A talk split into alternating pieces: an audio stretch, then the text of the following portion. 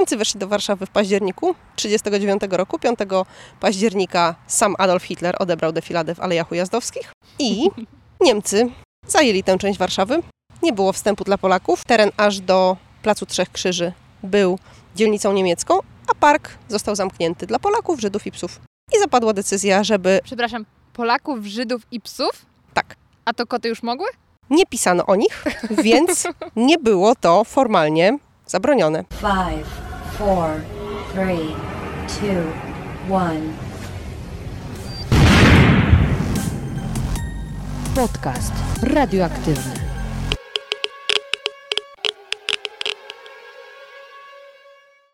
Dzień dobry, dzień dobry. Witam Cię w kolejnym odcinku podcastu radioaktywnego. Zanim przedstawię mojego dzisiejszego gościa, to chciałabym bardzo serdecznie podziękować Wam za to, że jesteście i słuchacie. Właściwie od kiedy tylko podcast trafił na Spotify, nieustannie znajduje się w zestawieniu 20 najpopularniejszych podcastów w tej aplikacji, a w zeszłym tygodniu zaszybował aż na miejsce czwarte. Jest to dla mnie niesamowita radość. Tym bardziej, że coraz częściej piszecie do mnie wiadomości, głównie na Instagramie, gdzie dzielicie się swoimi wrażeniami, przemyśleniami i mówicie, który odcinek jest waszym ulubionym. I tutaj muszę powiedzieć, że jestem często bardzo zdziwiona, że akurat dany gość tak mocno na was wpłynął. Także jeśli macie chwilę, to proszę napiszcie do mnie na zmaczne.go na Instagramie albo maila podcastradioaktywny.gmail.com i dajcie mi znać, który odcinek jest waszym ulubionym, bo tak jak mówię, jest to dla mnie często duże zaskoczenie. Ale to już tyle z ogłoszeń podcasterskich. Przejdźmy teraz do dzisiejszego gościa, a moim dzisiejszym gościem, a właściwie gościową jest Hanna Dzielińska, znana obecnie bardziej jako Hanka Warszawianka. Pani Hanna przez długi czas pracowała jako dziennikarka, dlatego spokojnie możecie kojarzyć ją ze szklanego ekranu. Jednak w pewnym momencie postanowiła porzucić dziennikarstwo i została przewodniczką po Warszawie. Opowiedziała mi o tym, jak powstawała Warszawa, bo okazuje się, że kapela ze wsi Warszawa to nie jest wcale zła nazwa. Warszawa ma dużo wspólnego z wsią, a właściwie z licznymi wsiami. Oprócz tego porozmawiałyśmy o rozbojach, o kobietach, które najbardziej namieszały na kartach historii. Po prostu zrobiłyśmy sobie spacer po historycznych oraz współczesnych ulicach Warszawy. Zapraszam Was bardzo gorąco do wysłuchania naszej rozmowy. Pani Hanno, Pani Hanno Warszawianko, Warszawiaczko właściwie. Nie Hanko, wiem. Warszawianko, to by się nawet Bardziej rymowało. się rymuje, prawda? Tadam. Pani jest z pochodzenia warszawianką. Tak, Warszawianko. Czyli to nie jest tak, że miłość do Warszawy pojawiła się z czasem, tylko właściwie od urodzenia. Nie wiem, czy od urodzenia, bo tego czasu to ja nie pamiętam. Ale odkąd byłam dzieckiem, moja mama miała taki chytry sposób i jak tylko wychodziłyśmy gdzieś i mój tata z nami nie szedł, to po powrocie do domu musiałam tłumaczyć, gdzie byłyśmy i którą drogą szłyśmy. Najpierw nie pamiętałam nazw ulic, a potem już się zorientowałam, że to jest mojej mamie potrzebne, żeby poczuć, że dziecko zna Warszawę, więc zapamiętywałam. I tym sposobem tu czegoś się dowiedziałam, tu doczytałam, tu dosłuchałam, tu mi mama powiedziała. No i nagle się okazało, że wiem sporo. No, a jak poszłam na kurs przewodnicki, to się okazało, że nawet potrafię to innym przekazać tak, że będą chcieli słuchać. A to była duża niespodzianka, bo ja byłam bardzo wstydliwą osobą. To czytałam na Pani stronie i do tego zaraz dojdziemy, ale to chwileczkę, żebym tak dobrze zrozumiała. Y, chodziła Pani na spacery z mamą i tato Chodziłam z mamą na byłyście. przykład do teatru. Mhm.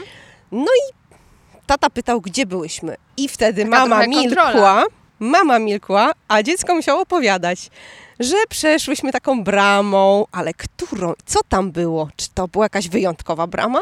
No, to mnie nauczyło zapamiętywać, że a tu taka dekoracja, a tu taka, a tutaj pan Kazio stał, zawsze tutaj pan Kazio z saturatorem, czy coś podobnego. No i tymi sposobami tak troszkę podskórnie zaczęłam się orientować, co gdzie jest, a potem już mi się to To spodobało. tak niesamowite, że kobieta ma dobrą orientację w, teren, w terenie, bo jest taki oczywiście stereotyp, że kobiety gubią się we własnym domu. Ale to, jeszcze tak wracając do tej historii z dzieciństwa, to jest bardzo ciekawe, bo zwykle jak mąż pyta żony, gdzie byłaś, to żona najchętniej opowiedziałaby taką wersję, która się spodoba mężowi, niekoniecznie jest zgodna z prawdą. A tu oddać całą historię dziecku to jest duże zaufanie. Y, tak, tak, może mama faktycznie miała coś do ukrycia i uznała, że jak dziecko powie, to ewentualnie tego, że mama na przykład zniknęła na pół godziny, Ale brama konkretna a dziecko wskazana. samo, ale brama wskazana, koło centrum czeskiego na przykład. Kto był dzieckiem w Warszawie w latach 80., wie, że w centrum czeskim sprzedawano fantastyczne teatrzyki. A gdzie jest centrum było czeskie? Centrum czeskie było na Marszałkowskiej i można było tam kupić właśnie dzieciom teatrzyk. Absolutnie przewspaniały teatrzyk, składający się z kilku scen. Właściwie scena była jedna, ale kilka było dekoracji, można je było zmieniać. Były tam figurynki, pięć albo sześć i potem odgrywać różne y, spektakle. No po prostu. I to było coś, czego w innych sklepach, nawet w Smyku, przekleństwie każdego dziecka, bo wszyscy mieliśmy te same ubranka ze Smyka. E, Jedyny- Albo przekleństwie też rodziców, bo pewnie wszyscy chcieli mieć tam zabawki jakieś. żeby one tam jeszcze były. A, Tam na pewno To to, był straszny fryzjer. Był tam straszny fryzjer, który no mnie akurat strzygł na chłopaka, bo mamie chyba było tak wygodniej. Ja, mama wychodziła w tym czasie na, nie wiem, zakupy. właśnie znikała, nie wiemy gdzie. Wtedy mama znikała gdzie, nie wiadomo gdzie, a ja byłam torturowana przez tego fryzjera. I okazało się, że jego zapamiętało wiele osób. On był sadystą chyba jakimś dosyć powszechnym. Niesamowite. Tak, i potem wołało, y, wołała pani przez głośnik, że mama dziecka, które wydziera się w- u fryzjera, proszone jest o przyjście z powrotem i zabranie dziecka. No, to było wspaniałe. Ja y, z pochodzenia nie jestem warszawianką. Ym, jestem z Dolnego Śląska, natomiast miłość do Warszawy czułam od bardzo dawna. Znaczy późno po raz pierwszy trafiłam do Warszawy, przyjechałam, ale y, miłość do Warszawy poczułam dawno i nawet zdziwiłam się, że w moim e, liceum jednym z tematów prezentacji z języka polskiego na maturze było Warszawa, miasto, w którym chce się kochać, walczyć, żyć za nie, żyć, walczyć za nie i umierać. Więc jak ja zobaczyłam, że w, na Dolnym Można Śląsku umrzeć za jest- Warszawę, jadę! jest taki temat, oczywiście się Wreszcie od razu na niego challenge. zdecydowałam, dokładnie. Więc y, jak najbardziej Warszawę kocham, uwielbiam. Wiedziałam że zawsze, że chcę tutaj mieszkać, ale nie znam jej tak dobrze. Y, I na pewno nie znam jej z czasów, kiedy mnie nie było na świecie. Więc dla mnie Smyk, pomijając, że to jest oczywiście y, no, sieć sklepów, no to, to jest ten budynek w centrum, Aleje Jerozolimskie, ale, ale Rok je, Kruczej. jerozolimskie, tak. z tyłu ma Bracką. I teraz jest w budowie. Teraz, Przebudowie. y, tak, wkrótce znów otworzy się w całości, ale był to dom handlowy, w którym wszystko było dla dziecka, stąd nazwa Smyk.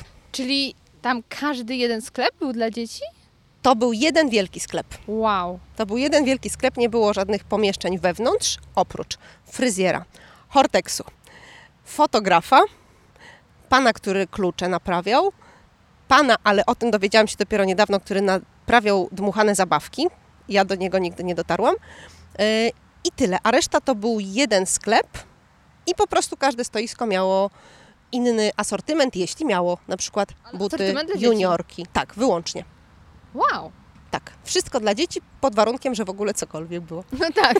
No Ale tak. jak już było dzisiaj, oprowadzałam wycieczkę z Wielkopolski. Ośmioosobowa rodzina, trzypokoleniowa. Jeden z dziadków mówi, bo to było dwie babcie, dwóch dziadków, mama, tata i dwie córki. Proszę pani, widzę, że smyk jest dalej. Wie pani, jak ja się cieszyłem, jak tu dla dziecka upolowałem piżamkę, jak byłem w Warszawie na delegacji? Tak, można było przyjechać z Wielkopolski i upolować piżamkę. I dumny i blady bohater we własnym domu wraca No tak. w glorii, chwały, bo udało się. Polowanie zakończone sukcesem. Teraz ludzie siedząc w toalecie robią zakupy przez internet i Gdzie tu satysfakcja? gdzie tu satysfakcja, prawda? Gdzie tu szacunek ze strony żony, która Dokładnie. nie widziała takiej piżamki po prostu, bo to jedyny rzut piżamki. No, tak. Natomiast nie pamiętam, żeby tam można było kupić jedzenie, a okazuje się, że podobno było. Tylko zdaje się, że wtedy mama znikała, jak ja y, byłam fryzowana i strzyżona na kretynka, a wtedy właśnie mama stała po bobofruty i jakieś inne. Znaczy O. bobofrut to frykas był, żeby nie było. Może wibowit. albo Wisolfit. Ojejku, Wibowit to nawet ja wciągałam, że tak powiem. No. Każde polskie Wibowitu? dziecko. Inaczej nie jesteś prawdziwym polskim dzieckiem. To nie, prawda. Wstydź się. To prawda. Jeszcze panadol, ale panadol nie każdemu smakował. Na przykład mój brat bardzo lubił pić panadol malinowy. Dla mnie Panadol. to było Nie, to już nowe czasy. Wtedy był No. Wisolwit i Wibowit. Wisolwit był szałowy, bo on, y, bo on miał takie bulki. To znaczy, jak jego się wysypało, na, wysypało się na dłoń i potem lizało, to powstawały takie bulki. Mm, A przy Wibowicie tego nie było niestety. pierwsze narkotyki. Bardzo to było przyjemne. Pyszne. Pani Haju, proszę mi powiedzieć, jakie historie najbardziej ciekawią ludzi? Czy to są historie kryminalne, jakieś właśnie morderstwa, czy historie związane właśnie... Sexy rabunek. No to, Sexy no to kryminał. przejdźmy do tematu. Wiadomo. Sexy kryminał ludzi ciekawi najbardziej. Ciekawią ludzi też historie o tym, że kiedyś coś było takie jak dzisiaj, O, a działo się to 350 lat temu. Na przykład z Wilanowem jest taka historia związana. Król Polski, Jan III Sobieski, ani żaden król nie mógł kupić ziemi na terenie Polski. Mhm. W jakiś tam sposób to było zabronione. No i ale w jaki sposób nie mógł kupić ziemi, jeśli nie ta było ziemia mu była jego? wolno, y, ale ponieważ był władcą, to nie mógł jednocześnie, jak gdyby wykupować na swoją prywatną własność Czyli kawałka chciał tego mieć, kraju, działeczkę, żeby zrobić sobie grilla, to nie mógł kupić. Nie, mógł to Okej. zrobić w królewskiej rezydencji, ale prywatnej ziemi w Polsce po y, wejściu na tron nie mógł mieć. Mhm. Tak się to dzisiaj przynajmniej definiuje. No i podstawiony człowiek kupił dla niego odległą wieś Milanów. Słup po prostu, no. Dla króla zrobił to umyślny. Człowiek, który dostał za to pieniądze i w imieniu króla zakupił. I nie była to własność króla, Mhm. tylko podstawionego słupa. Tak byśmy to powiedzieli dzisiaj.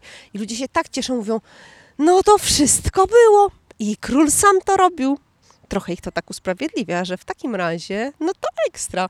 Tacy trochę jak król jesteśmy. Tak, ale my często Robimy też podobnie. przecież mówimy, że jak szlachta coś robiła, a szlachta wiemy, że zwykle Szlachta robiła złe bawi. rzeczy. Tak, jak Tak. szlachta się bawi, to koszty się nie liczą. I tak się tłumaczymy historią. Także jest w Warszawie sporo takich historyjek. Y, Cieszą się też, y, to jest też tak, turyści z zagranicy to są inni widzowie, inni odbiorcy niż turyści z Polski, a warszawiacy to jest jeszcze inna grupa. Ja prowadzę od 11 lat po Warszawie i od 11 lat prowadzę mieszkańców, co jest trudniejsze w takim znaczeniu, że niektórzy mają swoje historie dotyczące miejsc, o których ja mówię. I one czasami są takie, jak ja opowiadam, ale często coś inaczej jest zapamiętane. Ja korzystam z takich opowieści bardzo dużo. Yy, namawiam osoby, które przychodzą na spacer i one wiedzą, że no dobrze, u mnie to tam można się wewnętrzyć i opowiedzieć, że a ja tutaj to coś. Przychodzą osoby, które właśnie nagle się okazuje, że tak, tu się w szkole uczyły, a potem tutaj miały pierwszą randkę, a tu zapamiętały i nagle cała grupa, 20 osób, 15, ile przyjdzie, bo to są takie wycieczki, gdzie nie trzeba się zapisywać, przychodzimy na miejsce i e, jeśli się zbierze garstka choćby osób, to ruszamy. Mm, No i nagle wszyscy słyszą historię tego pana i wiadomo, że jeżeli ona jest jakaś fascynująca, a zdarzają się takie, na przykład opo- opowieść pani, która we wrześniu 1939 roku jako pięcioletnia dziewczynka szła do pracy do mamy, do braci Jabłkowskich. I właśnie było bombardowanie i spadł neon. Neon, martini czy jakiegoś innego trunku. No i ona to widziała. I faktycznie to gazety potwierdzają, że to było. Tutaj miało miejsce. No to są to historie, które faktycznie mają zupełnie już inny mm, oddźwięk, niż gdyby to było tylko przeczytane. I ja powiem, że tu spadł neon. No nie. Jak ja powiem, że a pamiętają Państwo Panią Wiesię, Pani Wiesia już nie chodzi, bo nie może chodzić, bo na przykład już e, choroba ją zmogła, ale to ona miała 5 czy 6 lat i szła tutaj i zapamiętała i ten neon to miał taki i taki kolor i już zawsze jak tędy przechodziła, to widziała ten spadający neon. No i to zupełnie inaczej się wtedy miasto postrzega. Tak samo jeśli rozmawia się z tymi, którzy przeżyli wojnę. No i oni mówią, ja zrobiłam film dokumentalny o, ym, o oddziale Krybar, który próbował odbić z rąk niemieckich teren kampusu y, na krakowskim przedmieściu. Trzy razy, trzy razy się to nie powiodło. Bardzo pogodne osoby. To są po prostu ludzie, z którymi konie można kraść. Ale jak mówię, że idziemy na oboźną, a na oboźną, to tam pamiętam, jak takie wielkie beczki zrzucaliśmy, Niemcy atakowali z dołu, a my na nie jakieś ciężkie beczki, żeby po prostu one ich rozjechały.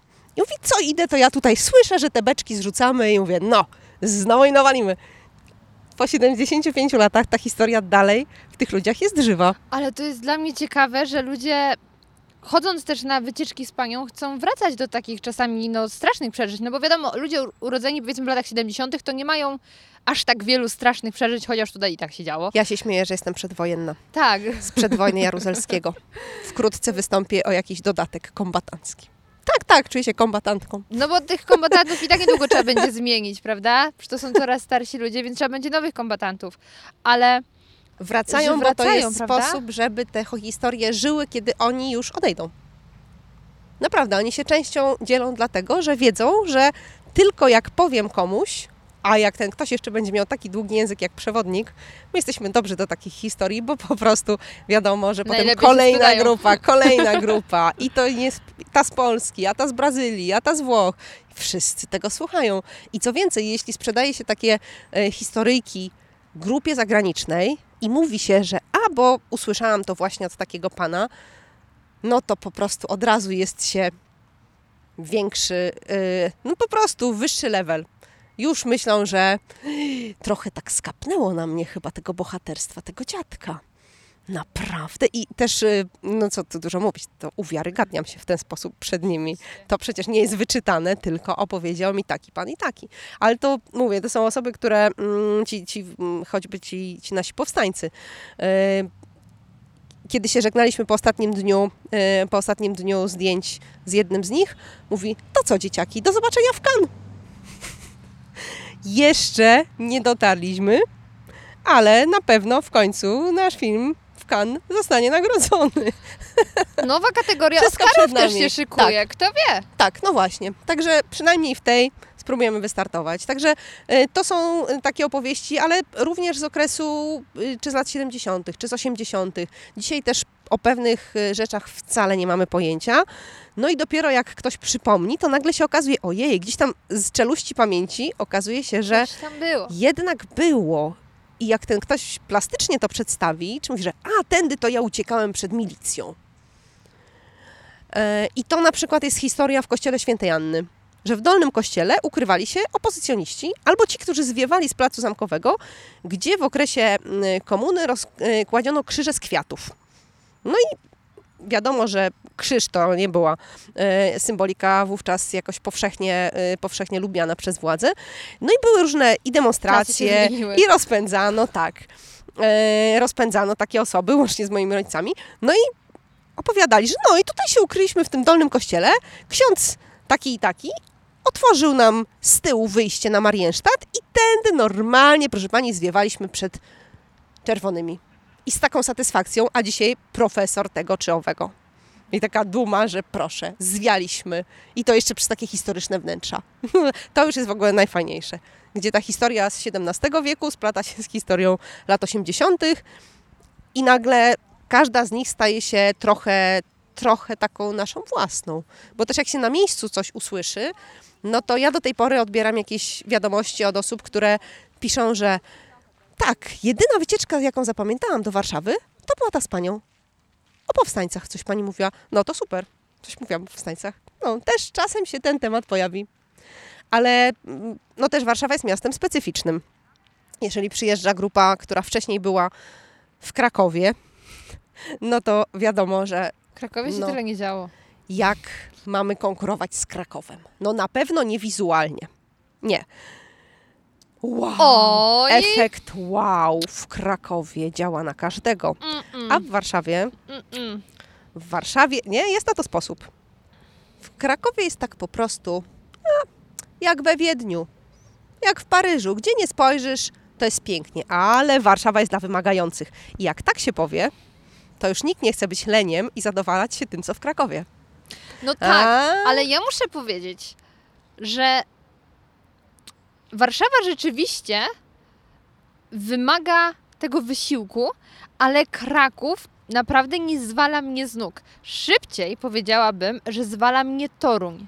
Dla mnie Toruń jest taką perłą trochę nieodkrytą, bo to jest tak piękne miasto, a nie ma tam tylu turystów i nie jest takie właśnie trochę banalne, bym powiedziała, a Kraków no, ma piękny rynek. Zapraszamy Krakusów, zapraszamy serdecznie. Przez Dokładnie. 11 lat oprowadzania miałam dwie grupy z Krakowa, z czego jedna, jak się okazało, w Krakowie nigdy nie była.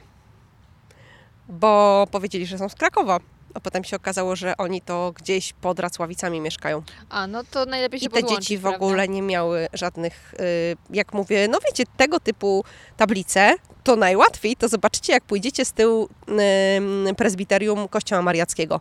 Mówi, kojarzycie? Kościół Mariacki. No taki duży. Yy. Nope. Mówię, dobra, to ja was oprowadzę następnym razem tam. Ale to rzeczywiście jest, y, sprawdza się to u Pani, że krakowiacy, krakowianie, zawsze mam problem z tymi nazwami, że mieszkańcy Krakowa nie chcą słuchać o Warszawie? Naprawdę jest taki kontrast? I taki spór? Spór tak. Ja przez 11 lat akurat na takie grupy nie trafiłam.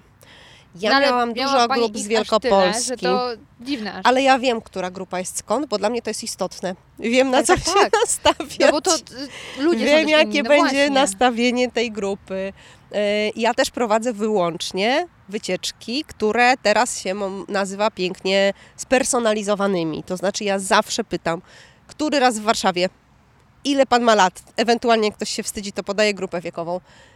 Czy jest pan w stanie długo chodzić? Czy nie? Bo ja nie muszę długo łazikować. Nie, możemy załatwić to jeżdżąc albo pływając po Wiśle. To jest komfortowy sposób wiedza- zwiedzania Warszawy. Siedzi się, a ja opowiadam. Mhm. I też pozna się e, ciekawostki i, i różne opowieści takie Ale to niecodzienne. jest fantastyczne, że to jest takie spersonalizowane. Pamiętam, a propos Krakowa, jak miałam z 7 lat, z rodzicami pojechaliśmy na wycieczkę do Krakowa i napataczył się jakiś przewodnik, bo tam tych przewodników dookoła Wawelu mnóstwo krę- y, krążyło i jeden tam nas złapał, czy chcemy, żeby nas oprowadził, spoko, spoko. No i zapytał, ile mam lat. No więc rodzice powiedzieli, że tam z 7. I ten człowiek opowiadał historię najpierw rodzicom, a potem mówił, a z polskiego na nasze. Czyli traktował mnie trochę jak debila, ale opowiadał mi dokładnie to samo. Tylko chciał zaznaczyć, że ja jestem tym głupszym sortem. Ale mówił y, łatwiejszymi słowami. Nie, mówił dokładnie to samo. I tak samo nudno. To w ogóle nic nie zapamiętałam z tej wycieczki, bo nic z tego nie było ciekawe. No więc ja y, dzieci prowadzę całkiem inaczej, ale to wygląda w ten sposób, że dzieci dostają zadania, a właściwie zagadki, a potem stają się naszymi przewodnikami. Na przykład dostają zdjęcie, jak to miejsce wyglądało dawniej i mówię, a teraz pani Anielko, też dzisiejsza jedna moja turystka, lat, no nie wiem, 8, 9, 10, e, dostała zdjęcie i mówię, a następny przystanek Pani decyduje gdzie, mamy stanąć tu, gdzie fotograf. A zdjęcie z 36 roku. Z Ale Placu Trzech Krzyży. zabawa. I to tak naprawdę po trzech takich zagadkach dziadkowie i rodzice się zaczęli wściekać, że nie mogą odpowiadać na te zagadki. bo psują zabawę. Powiedziałam, że nie ma, no bo ciągle babcia będzie podpowiadać i ta dziewczynka się też denerwowała. Ukrywała później to zdjęcie, żeby nikt jej nie ubiegł, ale dzieci dostają po prostu dopasowane do swojego poziomu umysłowego, który już teraz potrafię rozpoznać, no bo długo prowadzę, e, dostają zadania takie, żeby było to wyzwaniem, jednocześnie, żeby się nie zniechęciły, bo jak trzeci raz jest pytanie, które po prostu jest za trudne, no to przestają słuchać i się nudzą. No i nie o to chodzi. No i kiedy to dziecko próbuje znaleźć to miejsce, do którego mamy dojść, bo to jest tylko dla niego zagadka, no to wtedy rodzice słuchają tych poważniejszych wersji i to jedno drugiemu wcale nie przeszkadza, więc ja prowadzę tylko takie wycieczki, yy, dlatego czy krakowianie nie chcą słuchać? Może po prostu niektórzy się nie przyznają, że są z Krakowa. Kraków też lubi mieszkać w Warszawie tak z cicha pęk po 10 latach mieszkania. Mówią, a właściwie tak przeprowadziłem się te 11 lat temu, bo tu trzeba było być. No i teraz to już trochę się przyzwyczajam powoli. Ola Boga. Także y, u nas historia jest ukryta za fasadami. U nas trzeba po prostu trochę głębiej pogrzebać i nagle się okazuje, że ona jest fascynująca. Ale myślę, że nawet nie tylko historia, ale że żeby zachwycić się Warszawą, trzeba O, tak. pójść dalej niż dworzec centralny albo co gorsza dworzec zachodni. Jeśli Najlepiej ktoś wysiądzie na dworcu zachodni i powiedział, że jest w Warszawie, no to, to prawda. To, to był, jest na dworcu zachodnim. to był, tak, to był w piekle. To jest tylko na dworcu zachodnim, bo tam nawet wokół nie możemy nic ciekawego polecić, chyba że sięgnąłby bardzo daleko i zobaczył handlową. gazownię. Stare, piękne gazownie, ale, y, ale tak daleko pewnie jego wzrok nie sięgnie, więc już lepiej niech wysiada na wschodniej. Tam będzie miał prawie że najdłuższy blok we Warszawie, na wprost. Tak? On właśnie taki naprawdę długi jest. Ile on tam Tak. ma Nie wiem, klatek? nie wiem. Oj, klatek to chyba jestem w stanie powiedzieć, bo znam kogoś, kto ma 148 numer, czyli 14 ma co najmniej. Ale nie, na pewno ma więcej. Ze, ze 30 klatek ma. Jezusie, ale to komunistyczne, prawda? Tak. Typowo. Tak, tak, tak, tak. Yy, I co? Więc tam to już yy, może go jakaś też ciekawa przygoda spotkać albo nie. W No zależności bo to od jest tego, Praga, to czy będzie ciekawą osobą. będzie. tak naprawdę to ta fama wciąż trzyma się mocno. A jest tak, że niektóre osoby po prostu prowokują nieszczęścia. Tak, to prawda. Idzie takie ciele i aż się prosi, żeby w lampę dostać. No, no niestety. E, Nie wiem, ja akurat oprócz Portugalii, gdzie ewidentnie mój kolor włosów odstawał od innych pań w ok- wokół, Ojejku, to jest ciężko tam naprawdę przejść ulicą. ale wszędzie y, indziej, nie wiem, nad morzem, w Paryżu, w Rzymie, w Pekinie nie. Zawsze jestem pytana o drogę, o jakieś lokalne atrakcje. Ja po prostu wyglądam jak lokas chyba wszędzie, ale to chyba podejście. I też nigdy nic złego mnie nie spotkało ani w Warszawie, ani na Pradze. Chociaż z Pragą miałam taką ciekawą historyjkę. Mm, Ja prowadzę bardzo często po Pradze i e, kiedyś kolega, który nigdy się tam jeszcze z grupą nie wybrał, a to kolega kolekcjoner uprawnień przewodnickich i rekreacyjno-instruktorskich. Czyli chcę mieć jak najwięcej On takich. po prostu jest instruktorem wszystkiego. Mhm. Narciarstwa zjazdowego, biegowego, slalomu, e, sudeckim przewodnikiem, bieszczackim, po Pradze czeskiej, po czymś tam. Po Warszawie też zrobił. No i mówi, wiesz, czy ty byś nie mogła kiedyś mnie tam zabrać? Po prostu pójdę jako ogon, będę słuchał, bo zupełnie nie wiem, co tam można pokazywać. Że na Pradze? Nie wiem. Tak. po- Wow. No i y, dostałam zamówienie ze szkoły amerykańskiej mm, i poproszono mnie o zabranie tam dzieci i spytano, czy y, mogę zająć się wykupieniem ubezpieczenia.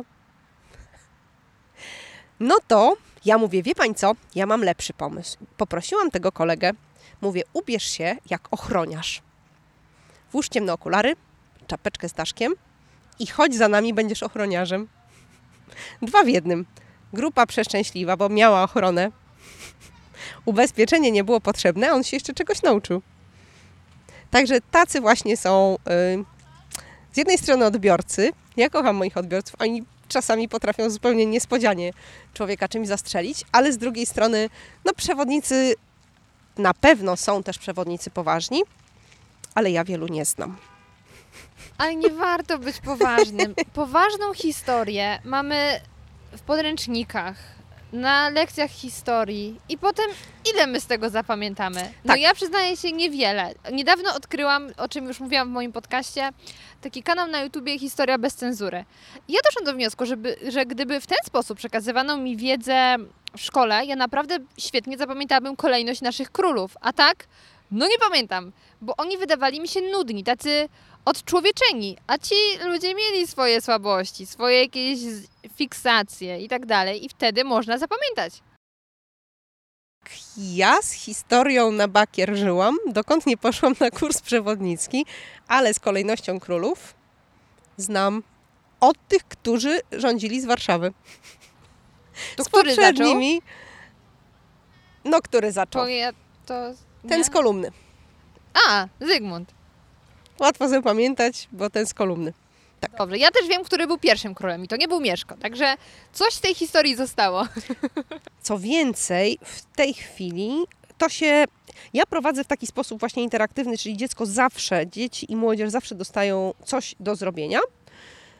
Od bardzo dawna, przynajmniej od 8 lat. Teraz widzę, że to się zaczęło upowszechniać i faktycznie coraz częściej również w muzeach są takie po prostu zagadki, To gry. widać w Muzeum Powstania Warszawskiego, że tam jest dużo takich rzeczy dla dzieciaków.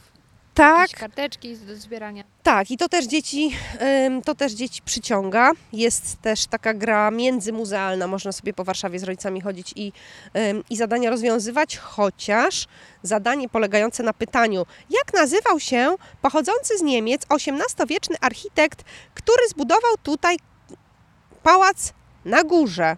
No i skąd taki czytelnik lat 8 ma to wiedzieć? Mm, no, jest tablica. Ola Boga. No nie, to jest jednak y, niedocenianie przeciwnika. Nie lubię takich prymitywnych zagadek, Mhm. które po prostu podejdź do tablicy i przeczytaj. To, to nie jest No, zagadka, to jest polecenie. No nie, no, to jest takie po prostu prymitywne, więc trzeba szanować przeciwnika. On musi czuć, że a, myśli, że jestem taki dobry, no to co wtedy głupio się nie sprawić. Tak. Wtedy wiadomo, że człowiek się postara. To jest też sposób na urwisów. Zawsze w grupie są jakieś, w takich dziecięcych, teraz już ich mniej prowadzę, yy, ale w grupach dziecięcych zawsze jest jakaś czarna owca, yy, z którym ja się zawsze bardzo lubię. Przeszkadza, próbuje być najważniejszy. Mówię, słuchaj, kolego, ty masz najważniejsze zadanie, zostajesz naszym ochroniarzem. Chodzisz z tyłu i pilnujesz, czy ktoś nie został. Jak cała grupa rusza, żeby po prostu wszyscy byli w jednym kawałku, żebyśmy nikogo nie zgubili. I jak się ma Dumny takie i zadanie, blady. Jak się jest jest taki ważny. I potem już zupełnie inaczej rozmawiamy. Tu też później, wiele lat później napisała do mnie ym, wychowawczyni tego chłopca, takiego właśnie, co go zapamiętałam, Urwisa. Yy, pani wie, że Wojtek to tak panią dobrze wspomina. Cały czas pamięta wycieczkę do Warszawy, bo pani to uznała, że ja się nadaję na ochronę. Tak, byłem ważny, odpowiedzialne zadanie. Także na każdego jest sposób. I każdy może polubić tę historię, tylko trzeba mu ją dobrze przełożyć. Tak, możemy nie mówić, że to jest historia, można to sprzedać w jakiś inny sposób. Przygody w mieście Warszawa. No więc Tak. wróćmy do przygód w mieście Warszawa, czyli te najciekawsze to seks i rozboje. Która dzielnica była najciekawsza pod tym względem? Czy można tak uogólnić, albo które lata może? Zaraz by się okazało, że skoro tu straszy, to może straszy też u sąsiada, to sprawdźmy, czy tam nie straszyło. W takim mieście jak Warszawa, gdzie, no co tu dużo mówić, te trupy też co chwila nam wychodzą z różnych miejsc, to może być ryzykowne. Grząski Po temat. prostu każde miejsce jest potencjalnym zagłębiem tematu.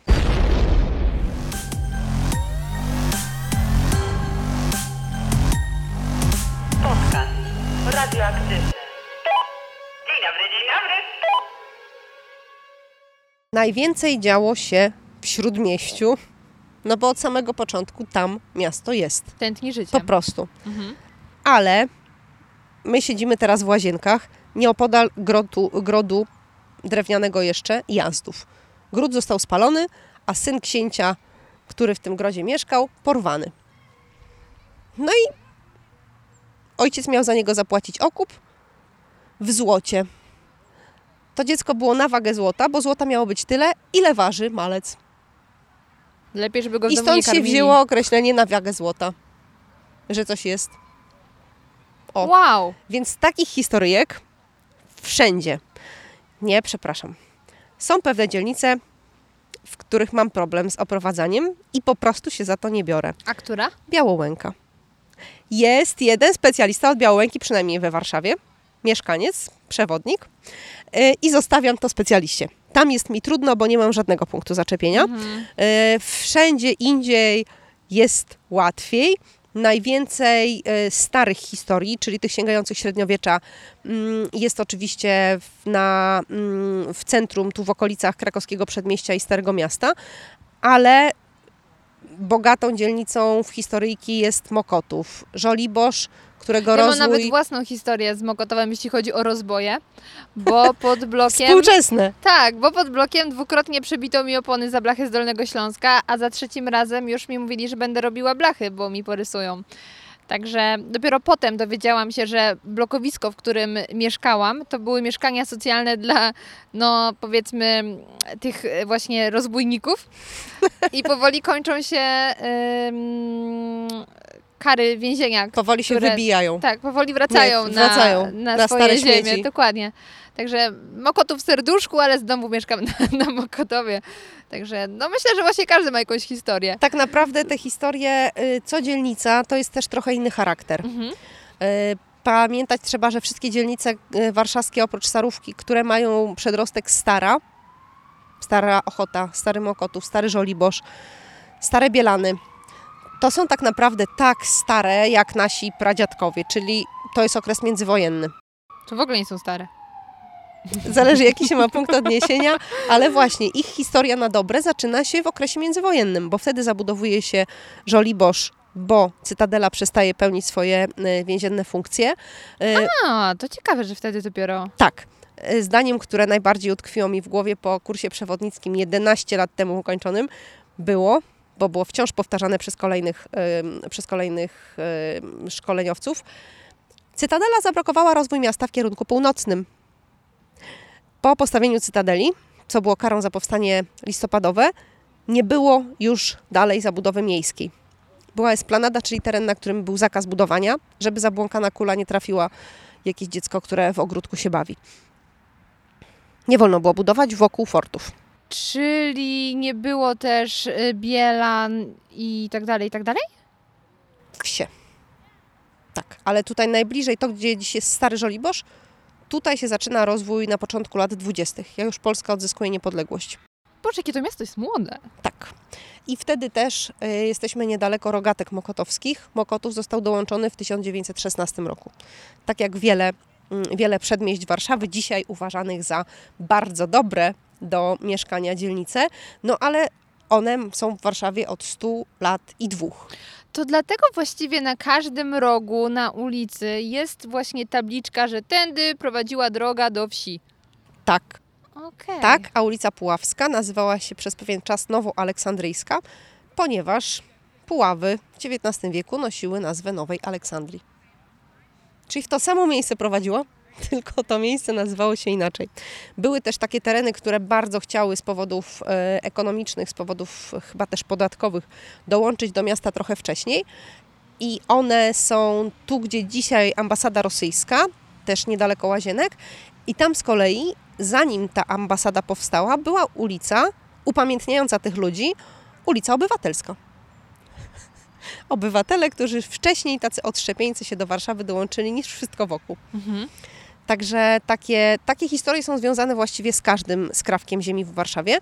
I ja dopiero niedawno tak naprawdę y, zaczęłam doceniać to, że Boże, idę do kawiarni i myślę sobie, kurczę, a kiedyś to tutaj to było to i to. To jest też tak naprawdę duża frajda, no bo nie widzę tylko tego, co jest w tej chwili, ale okazuje się, że te miejsca, gdzie dzisiaj jest modne, modna knajpa, to kiedyś tętniły życiem, nie wiem, balowym, imprezowym, albo całkiem odwrotnie. Może jakiś konsulat był. No to a propos imprez. Czy obecnie Nowy Świat i e, Mazowiecka to kiedyś też były imprezownie? Nowy Świat, tak. Mazowiecka, na Mazowieckiej była Ziemiańska, ym, kawiarnia z międzywojenna i tam swój stolik mieli literaci i intelektualiści i rzeźbiarze teraz raczej i nie mają. artyści. E, Ostatnią taką kawiarnią zdefiniowaną właściwie jako intelektualistów był czytelnik. A potem zaczęli przychodzić posłowie PSL-u, bo to jest po sąsiedzku z Sejmem. Zaczęli się wykruszać, intelektualiści wymierać po prostu, no co tu dużo mówić, ale już jak zaczęli ci posłowie właśnie chłopstwo nasze, współczesne, jeszcze przed czasami samoobrony, no to już był początek końca intelektualnej sławy. Tam zresztą dzisiaj jedna z głównych partii, przecież Platforma ma swój chyba klub czy coś podobnego, Yy, więc yy, no powiedzmy, że charakter zmienia się.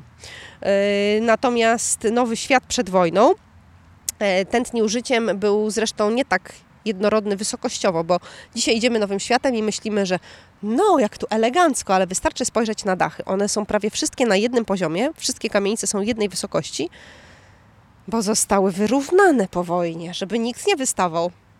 A przed wojną było kino na 2,5 tysiąca Czyli ludzi, to jest ta komunistyczna równość? koloseum.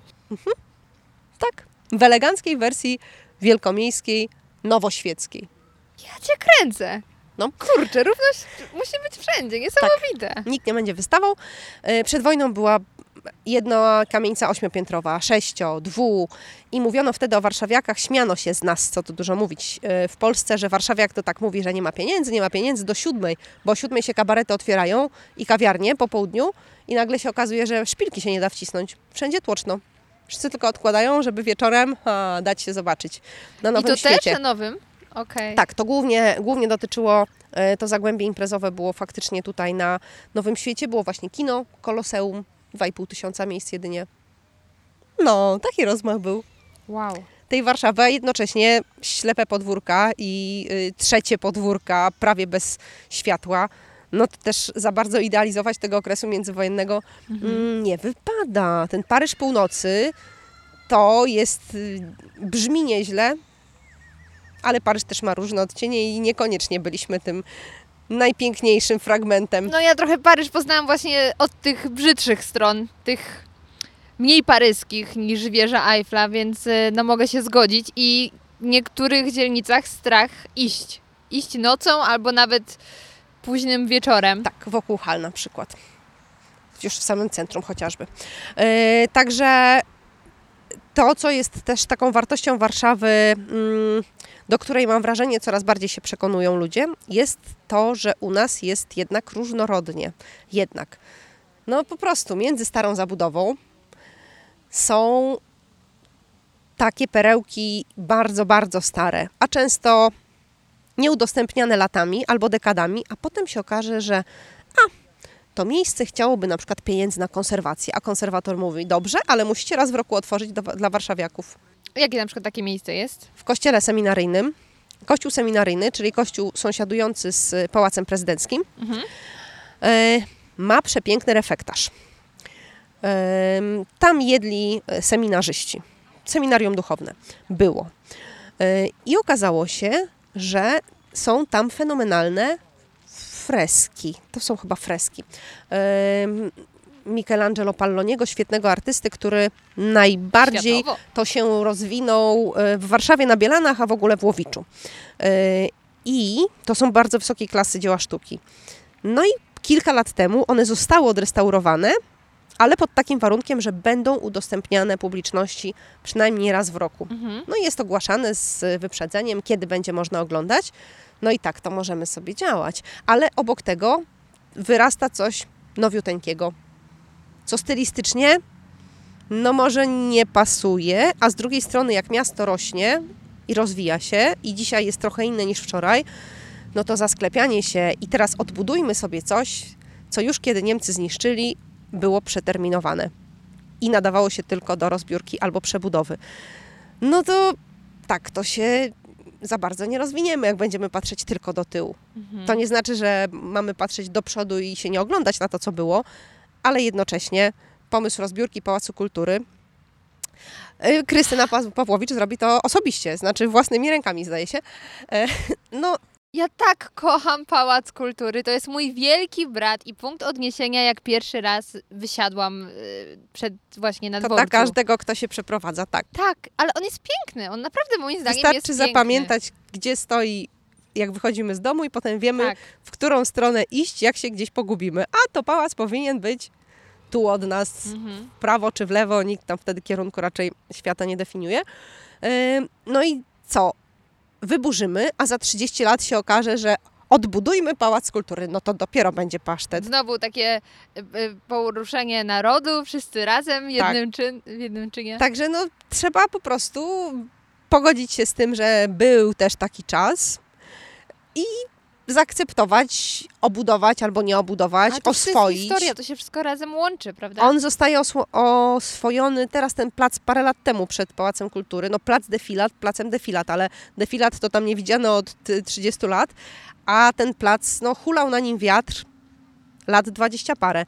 I kilka lat temu postawiono ten wspólny stół taki długi. tak, tak, tak, tak. No i nagle się okazało, że a, to może sobie tutaj usiąść i to każdy, nie trzeba rezerwować ani Tam nic. y, rośliny I drzewka, społeczny ogród. Tak, społeczny Tak. ogród. Każdy może coś przynieść, byle nie zioło i sobie zasadzić i Może podpisać. zioło. Tak.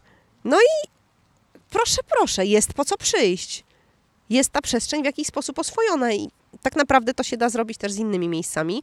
Yy, I zawsze w Warszawie było jakieś takie miejsce do oswojenia. Yy, Plac Piłsudskiego dzisiejszy przez warszawiaków międzywojennych też nie był dobrze wspominany, bo w XIX wieku wielki książę Konstanty, mieszkaniec Belwederu i brat cara, yy, znęcał się tam nad wojskiem polskim. Po prostu ich poniżał przy kolegach. Popełniali samobójstwa, generalnie przykry moment i w związku z tym ten plac kojarzył się jak najgorzej. No i jako odtrutkę nieznany żołnierz. Jeszcze pomiędzy mm, był tam sobór. Też z najwyższą w Warszawie wieżą, więc uznawany za symbol dominacji rosyjskiej, stał od końca XIX wieku. I żeby go odczarować, w kolumnadzie Pałacu Saskiego postanowiono położyć nieznanego żołnierza. I od razu plac został spolszczony. No, teraz znowu jest o nim głośno. Dwa lata wcześniej książę Józef Poniatowski. Ukochany bohater warszawiaków, a zwłaszcza warszawianek. Przystojniak, świetny tancerz. E, prawie, że marszałek w armii Napoleona nie doczekał się tej nominacji, bo zginął nieszczęśnik. E, ale ten plac też kiedyś był uważany za zrusyfikowany, jeszcze ten sobór nieszczęsny, a potem nagle książę Józef i nieznany żołnierz załatwili sprawę, no i dzisiaj nie jest to znienawidzony plac przecież. Więc trzeba po prostu tak trochę spuścić powietrza z tego balonika i wtedy nagle się okazuje, że wszędzie można te konotacje zmienić, tylko to wymaga chęci, czasu i grupy zainteresowanych. Ale jak na przykład teraz się y, takimi bardziej pro, y, mieszkań, pro dla mieszkańców y, zrobiły bulwary. To też teraz jest miejsce tętniące życiem. Ja No tak. Wiem, kiedyś w ogóle tam się coś działo? Kiedyś Dawno, dawno temu. bardzo dawno temu, ale ja wtedy byłam jeszcze, ym, nie byłam w grupie docelowej, był tam wzdłuż Wisłostrady szlak Orli Gniazd. Szlak Orli Gniazd znał każdy moczymorda w mieście. Były to bary o wdzięcznych nazwach żagielek, mewa, rybitwa i jakieś tam inne ptaki takie okołowodne. No i po prostu się tam piło. Piwiarnie to były. Wzdłuż się nie Wisłostrady, zmieniło. ale nazywało się to nieoficjalnie, oczywiście, szlakiem Orli Gniazd i miało swoich, swoją klientelę. Było bardzo popularne. Potem, y, potem bulwary wyglądały tak, jak dzisiaj jeszcze odcinek między dworcem gdańskim, y, między mostem gdańskim a Sanguszki, tam gdzie jest wytwórnia papierów wartościowych. No czyli po prostu beton i, mm, i tatarak. Nie było to zbyt przyjazne miejsce i faktycznie bulwary zaczęły się kilka lat temu cywilizować. No a w tej chwili, no to wiadomo, że to jest po prostu ulubione miejsce. Co więcej, tam jeszcze bardzo dużo zrobiło to, że metro zostało otwarte. Tak. Bo nagle bulwary po prostu tak są dostępne w taki sposób, że da się dojechać. Jak ktoś nawet, ale ja widzę, że to samo się dzieje z Pragą, bo niektóre osoby wcześniej obawiające się wybrać na Pragę tramwajem czy coś, Podróż w jedną stronę. no to teraz jest tam stacja metra, jakby co wskoczymy i wrócimy do siebie. Także luz, da się. ym, bulwary to jest w ogóle coś niebywałego. Yy, chociaż, no dla nas to jest dzisiaj może jakaś tam jakieś odkrycie, ta rzeka, ale są zdjęcia choćby z międzywojnia. Ja co pewien czas do siebie na, na różne media społecznościowe wrzucam i cieszy się to dziesiątkami udostępnień, jak to dzisiaj szczycimy się infrastrukturą bulwarów, a przecież na plaży Braci Kozłowskich, na prawym brzegu Wisły, była, były suszarnie, była kawiarnia, była restauracja i, I był autobus. Był jakiś też. I jeszcze był autobus, który dowoził ludzi do miasta. Yy, właściciele płacili za ten autobus. Mówiłyśmy o tym, że tak naprawdę większość dzielnic y, w Warszawie to pochodzi już y, tak z tego XX wieku, z początku. Mm, Więc zastanawiam się, jakbyśmy mieli na przykład wrócić do czasów, kiedy, kiedy była akcja lalki. Oczywiście ja już wiem, że niestety Warszawa wcale nie wygląda tak jak opisana w lalce, tam trochę są różnice w, tych, e, w tej mapie, ale jaką powierzchnię miała wtedy w takim razie Warszawa? No bo jeśli ta dzielnica doszła niedawno, ta doszła niedawno, ta doszła niedawno, To jakie były granice tego dokąd miasta? się rozciąga. To jest tak, że rozwój Warszawy jest rozwojem dosyć osobliwym, y, jeśli porówna się z innymi miastami w Polsce. Bo my mieliśmy starą Warszawę otoczoną murami, ona ma 700 lat, plus minus. Szybko, ponieważ była otoczona murami, stała się za mała i kolejni przybysze, nie znajdując już więcej miejsca wolnego, założyli miasto za murami i to była Nowa Warszawa, A Stara Warszawa to była... w granicach murów. To ja mury... Starówka, wyłącznie. I to była cała Wielkość Warszawa? rynku w Krakowie. Tak, Jedź. od tego się zaczęło. Ale z nowym rynkiem czy bez nowego? Nie, Nowe Miasto y, to jest już Nowa Warszawa. Inne miasto to jest. Ja cię kręcę, to Tak, było W maleństwo. średniowieczu było maleństwo otoczone murami i to jest starówka dzisiejsza. Mhm. I to plus minus 17, e, 700 lat temu powstało. Przybysze przyjeżdżają, okazuje się, o rety, ktoś nas ubiegł, nie ma więcej działek wolnych i oni założyli za murami osobne miasto i nazywali je Nową Warszawą. Tak jak Stara Wieś i Nowa Wieś i właściwie Tak. pół Polski ma takie Miało swojego burmistrza, miało swój, e, czasami swoje monety, osobne Ale zupełnie oni miasto. dosłownie otoczyli? Tuż za murami, tam gdzie dziś jest Nowe Miasto, ulica A, Freta, obok. Sąsiad jak Nowomiejska Mhm, wychodzi. Tak. y, ze Starówki.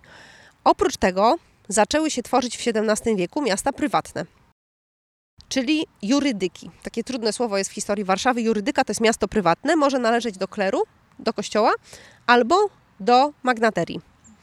I wtedy powstaje Grzybów, Leszno, jurydyka nowoświecka, jurydyka, jurydyka dziekania, dziekanka. I to są miasta, z których każde rządzi się swoimi prawami, bo jest miastem prywatnym. Ma swój ratusz, ma swój rynek, często rynek, często place w dzisiejszej Warszawie w centrum to są dawne rynki, dawne, mm, rynki jurydyk, tak jak Plac Grzybowski. To jest rynek jurydyki Grzybów i tam też był ratusz. Plac Żelaznej Bramy to rynek jurydyki Wielopole. Takich miast było ponad 30 i ja cię one kręcę. połączyły się w jeden organizm tuż przed Konstytucją 3 maja. Trochę jak Stany Zjednoczone Czyli koniec, połączyły. tak, czyli koniec XVIII wieku. I w związku z tym w czasach, kiedy dzieje się lalka, no w czasach, kiedy dzieje się lalka już aleje ujazdowskie zaczynają się w tej lalce y, pojawiać. Także no powiedzmy, że łazienki już wtedy są częścią Warszawy, ale Bo tam Daleko, e, oranżeria też daleko. się pojawiała, prawda? tak, tak, także tu jeszcze jest Warszawa. Ale tu się kończy Warszawa już wtedy. To i nie mieli gdzie łazić na. Żoliborza nie ma, bo tam stoi Cytadela. No tak. Czyli kończy się Warszawa na ulicy Konwiktorskiej. Dzisiaj Stadion Polonii. Mhm. Nędzny, ale na pewno kiedyś będzie wielki. E, Jest Praga, Obie? w sensie północ i południe. Tak? E, Czy bardziej północ? Bo ta południe Tak, taka wydaje mi się kamion- nowoczesna. haha, we wsi Kamion były elekcje królów polskich. Polski. Także te granice są skromne, no dokąd tam, dokąd się, y, do dworzec już jest na prawym brzegu Wisły. Nie ma jeszcze mostu. Most jest od, 60, od lat 60. XIX wieku, więc jest już most przez Wisłę. Jest most dzisiaj Śląsko-Dąbrowski. On się wtedy inaczej nazywał. Lata 60. Więc miasto To ja teraz zaczynam powoli rozumieć yy, skąd mieszkańców Krakowa. Ratuszowej na przykład. No ratusz był. No tak. Pragi. Tak, ale że ci mieszkańcy Krakowa to tak patrzą trochę z takim... Serio? Wy tu Dziwadła. macie miasto z historią? No nie. Nie, my mamy 36 miast z historią, Tak. które stworzyły jedną oraz kilkadziesiąt wsi, które zostały dołączone. No właśnie, bo Ursus i tak dalej, to też były wsie, prawda? Tak, ale już Ursynów to była prywatna posiadłość. O ja cię, ale Urs, Ursyna Niemcewicza. Julian Ursyn Niemcewicz był właścicielem pałacu o wdzięcznej nazwie Rozkosz. E, I to jest pałac, w którym dzisiaj jest rektorat Szkoły Głównej Gospodarstwa Wiejskiego, ulica Nowoursynowska na Naprawdę? Ursynowie i stąd nazwa Urs Ursynowa. Skąd ten człowiek miał pieniądze? On tam miał kawałek ziemi, kupił od y, właścicieli Wilanowa, bo właściciele Wilanowa byli potentatami. Właściciele Wilanowa celowo nie mówię nazwiska, ponieważ tu się zmienia rodzina wraz z wrzenianiem się kolejnych magnatów. I tam będzie Sieniawscy, Lubomirscy, e, Potoccy, Braniccy. E, I ich posiadłość ciągnie się od lotniska dzisiejszego aż na drugi brzeg, po Anin. Także Warszawa jest też, e, na Warszawę dzisiejszą składają się też wielkie posiadłości takie ziemskie. Niesamowite. Także tutaj każdy kawałek i trzeba traktować osobno No i tak. dlatego wycieczki tematyczne oraz spersonalizowane oraz dopasowane do konkretnego e, odbiorcy można robić w nieskończoność. No tak. Spacerem, który jest e, takim hitem od lat Mhm. i robię go właściwie w każdej dzielnicy z, wyłą- z wyłączeniem tej na B, który już nie będziemy wspominać. Em, Jest spacer o nazwie Skandalistki kochanki Matrony, warszawianek portret przekorny.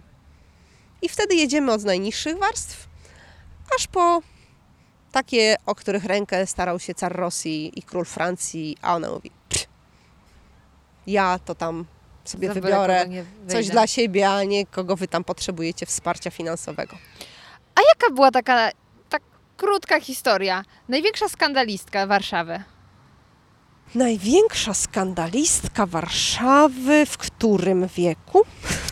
Może nie aż tak w stare pójdziemy, takie mm, no trochę nowsze czasy, takie początek XX wieku. Nie wiem. Nie wiem, jaka była największa skandalistka. Zofia Stryjeńska może. Mhm. Zofia Stryjeńska, chociaż jej życie upływało w różnych miastach. Ona dzieli jej życie między Zakopane, Kraków i Warszawę, y, ale zostawiła w Warszawie. To możemy o tym wspomnieć. Teraz już się zamawiający nie obrazi. Ym, Na czym te skandale te nasze polegały? Oprócz tego, że ponoć y, synów kochała, ale niekoniecznie lubiła. Więc czasami brutalne metody wychowawcze typu za zamykanie w szufladzie ponoć stosowała wobec nich. W szufladzie. Tak, ale Wow. takiej szufladzie na pościel dłużej, więc się zmieściły. A, no to tak. E, odrobina humanitaryzmu e, w tym okrucieństwie. I ona na przykład e, przygotowując się do wystawy bodaj w Londynie, w ogóle nie miała do głowy do tego, żeby zająć się realizacją zlecenia, które zamówił u niej Jan Wedel, e, budujący kamienicę na Mokotowie, kamienicę, którą chciał wynajmować, dom dochodowy, róg Puławskiej i Madalińskiego. O, I on poszukał, kto jest teraz głośnym nazwiskiem w sztuce, wszedł na pudelka. tak, i znalazł sobie dwóch. Ją, artystkę, która już wtedy była mm, głośną postacią w świecie, w świecie sztuki, dlatego że zrobiła wielką furorę na wystawie sztuki dekoracyjnej w Paryżu w 25 roku. I znalazł też e, rzeźbiarza, który zajmował się mm, głównie rzeźbami zwierząt, Stanisława Komaszewskiego. I obu dał zlecenie. Chodziło o to, żeby ich nazwiska, jako współautorów budynku, przyciągnęły, czy dekoratorów właściwie, przyciągnęły jakieś sławy, które chciałyby u niego mieszkanie, znaczy apartamencik jakiś skromny, 120 metrów plus, y, wynająć. No i chciał, żeby był tam na przykład park ujazdowski albo ostatecznie ogród Saski, jakiś pejzażyk warszawski. No i Zocha co zrobiła? Podarowała mu taniec góralski. I ci górale, juchasy, dalej są na parterze tej kamienicy jako niezwykle warszawska dekoracja, bo ona była zajęta. Co on zawraca głowę, wprawdzie dobrze płaci, ale wyciągnęła gdzieś z lamusika jakieś gotowe zlecenie, którego ktoś nie odebrał, czy po prostu namalowała, a potem przestała je lubić. E, Więc w tym znaczeniu była to postać nietuzinkowa, która y, nawet własną rodzinę, a może zwłaszcza własną rodzinę do szału doprowadzała. Była postacią barwną y, Maria Morska. Maria Morska, dzisiaj zapomniana poetka, jedna, jedyna z kobiet wśród skamandrytów, jedyna kobieta wśród skamandrytów. Y, mówiono, że pewien, pewien nasz znany poeta, nie powiemy który, żeby już mu wstydu nie przynosić, jak u niej jest zepsuty telefon, to on w ogóle nie pisze żadnych recenzji, bo nie wie, co ma myśleć o spektaklach albo książkach, które przeczytał. bo podobno mu suflowała i bez niego to właściwie nie, e, nie, nic nie wiedział. E, Była barwną postacią e, Jadwiga Bekowa, żona ministra. O, ona była trendseterką. O, Na niej wzorowały się panie, które mm, chciały być na czasie. Ona bardzo y, w zmyślny sposób wybrała sobie nowego męża i ona się musiała rozwieść i zmienić wyznanie i, y, i minister Beck również. Y, Kiedy postanowili się ze sobą związać, on początkowo przychodził jeszcze w mundurze na różne bale, bo był wojskowym, ale z czasem zaczął przychodzić we fraku, no i to już znaczyło, że trochę jak Hillary Clinton ona działała po prostu. Tylko sama potem nie postarała się o żaden urząd publiczny. I e, został ministrem spraw zagranicznych, co komentowano w ten sposób, że no to jest jedyna szansa, żeby ona po prostu mogła swobodnie podróżować, bo tam gdyby był ambasadorem, no to by był uziemiony w jakimś jednym kraju, e, gdzie by go Polska wysłała. I jeździła z nim e, w rozmaite, w rozmaite podróże. Z każdej, kiedy wracali, to były delegacje takie oficjalne, wizyty zagraniczne, prasa bardzo uważnie obserwowała, w jakim stroju wyjechała, w jakim wraca, czy fryzura się zmieniła, zmieniała się zawsze, jak paznokcie ma zrobione i to oznaczało, że tam się teraz tak nosi. Ona łapała to, co widziała, jak się nosi ulica zag- zagraniczna a w jakich to było latach? e, w międzywojniu. Te czasy się wiele nie Ona zmieniły. właśnie w międzywojniu, prasa o tym pisała e, później, a ona mm, raz nawet wywołała skandal dyplomatyczny, najprawdziwszy, ponieważ w nowym skrzydle ministerstwa, zbudowanym przez ich przyjaciela, Bogdana Pniewskiego, świetnego architekta, był szklany stół, przy którym ambasador francuski albo konsul francuskiej ambasady śniadaniał z nimi. Został zaproszony. No i Bekowa udekorowała stół, między innymi miniaturowymi em, żaglówkami. A stół był ze szkła. I poszła nota do Paryża, że Polska wyraża żądania kolonialne, ambicje kolonialne. To ma oznaczać ta dekoracja z żaglóweczek na tym wzburzonym morzu, jakim jest ta szklana tafla stołu. Także do tego stopnia e, ingerowała w politykę, chociaż może nie, nie zawsze w Świadomie. sposób zamierzony. No i umieściła swoje popiersie na elewacji pałacu, który był siedzibą ministerstwa.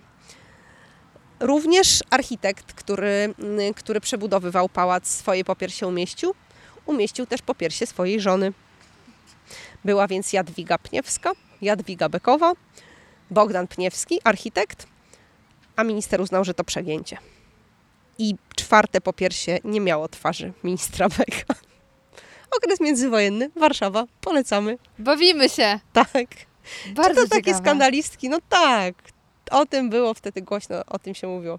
A czy któryś z, ze spacerów, które Pani organizuje, dotyczy na przykład miejsc nawiedzonych? Duchów. Takie spacery częściej, szczerze mówiąc, robię dla dzieci niż dla dorosłych. Bo nie jest to moja działka. Bo trochę naciągane? Ym, bardziej myślę, że to może być bardzo czasochłonne w researchu. Prędzej dlatego. Poza tym zaraz by się okazało, że skoro tu straszy, to może straszy też u sąsiada, to sprawdźmy, czy tam nie straszyło. A poza tym chyba w takim mieście jak Warszawa, gdzie, no co tu dużo mówić, te trupy też co chwila nam wychodzą z różnych miejsc, to może być ryzykowne. Grząski Po temat. prostu każde miejsce jest potencjalnym zagłębiem tematu. I to się A, może. czyli to w drugą stronę. Nie, że być- brakuje, tylko że Nie. może być za dużo. Tego może być za dużo. Nigdy o tym nie myślałam w ten sposób. Tego może być za dużo po prostu. Bo w Warszawie o tym się też głośno nie mówi, żeby ludzi nie straszyć. Ale co się jakaś budowa rozpoczyna, bardzo często się znajdują ślady przecież jeszcze z wojny. E, Do mnie się zgłosił e, kierownik budowy, ale prywatnie, wiedząc, że jestem przewodnikiem, e, z informacją, że pod jedną z ulic, gdzie właśnie jest nowa sieć kładziona wodociągowa, znaleziono kompletną piwnicę z wyposażeniem. I czy bym nie chciała zobaczyć? No chciałam, oczywiście nie mogę powiedzieć gdzie, bo zaraz by się tłumy rzuciły, teraz już jest tam zasypane, nikt nie wie, że to tam jest. Ale rower znaleziono, słoiki znaleziono, pełne żarcia, pełne konfiturek. Dobre? Ktoś spróbował? Nie, myślę, że zostały przez kierownika zjedzone. A, no ale ktoś spróbował.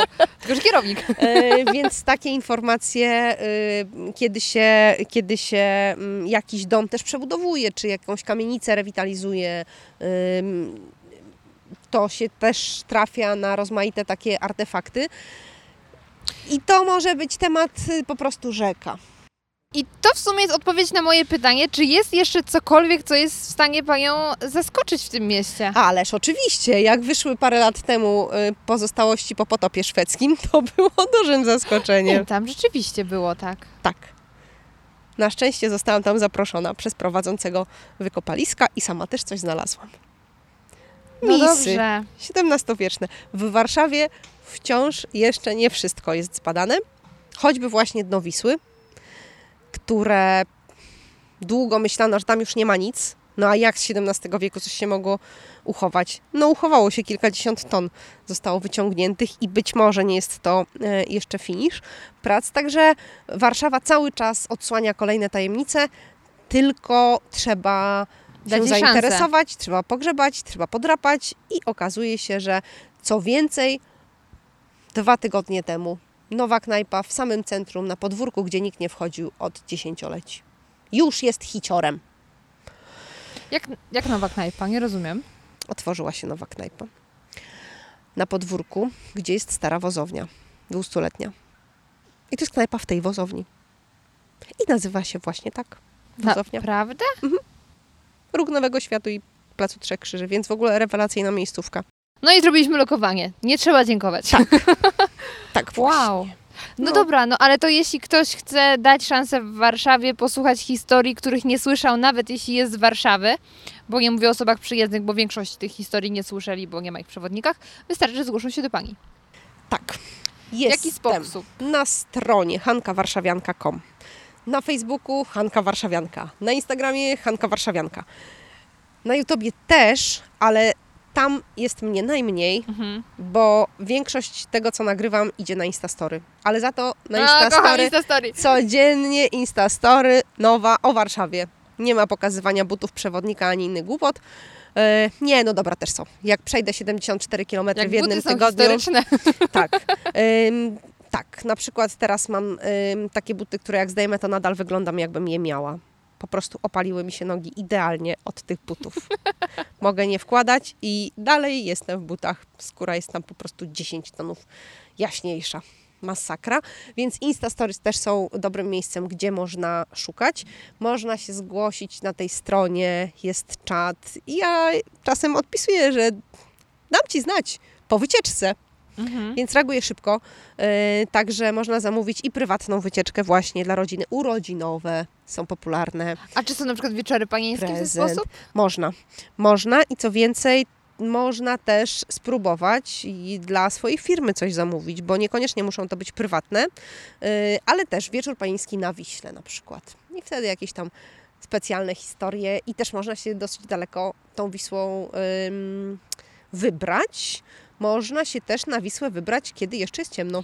I posłuchać historii Posłuchać o historii. innych kochankach i się zastanowić, czy na pewno za niego wychodzić, czy może nie. Tak. Pytanie, czy wtedy ten wieczór będzie przypadkiem może opłacony przez tego pana młodego, który nie wie, jak się wycofać i można to wtedy tak elegancko załatwić. Albo jakieś historie kryminalne. Tak, można, y, jeśli jest się w firmie zajmującej się ubezpieczeniami albo bankowością, to można pójść na wycieczkę albo zrobić sobie grę, albo serię wycieczek tylko o tym, jak powstawały fortuny we Warszawie.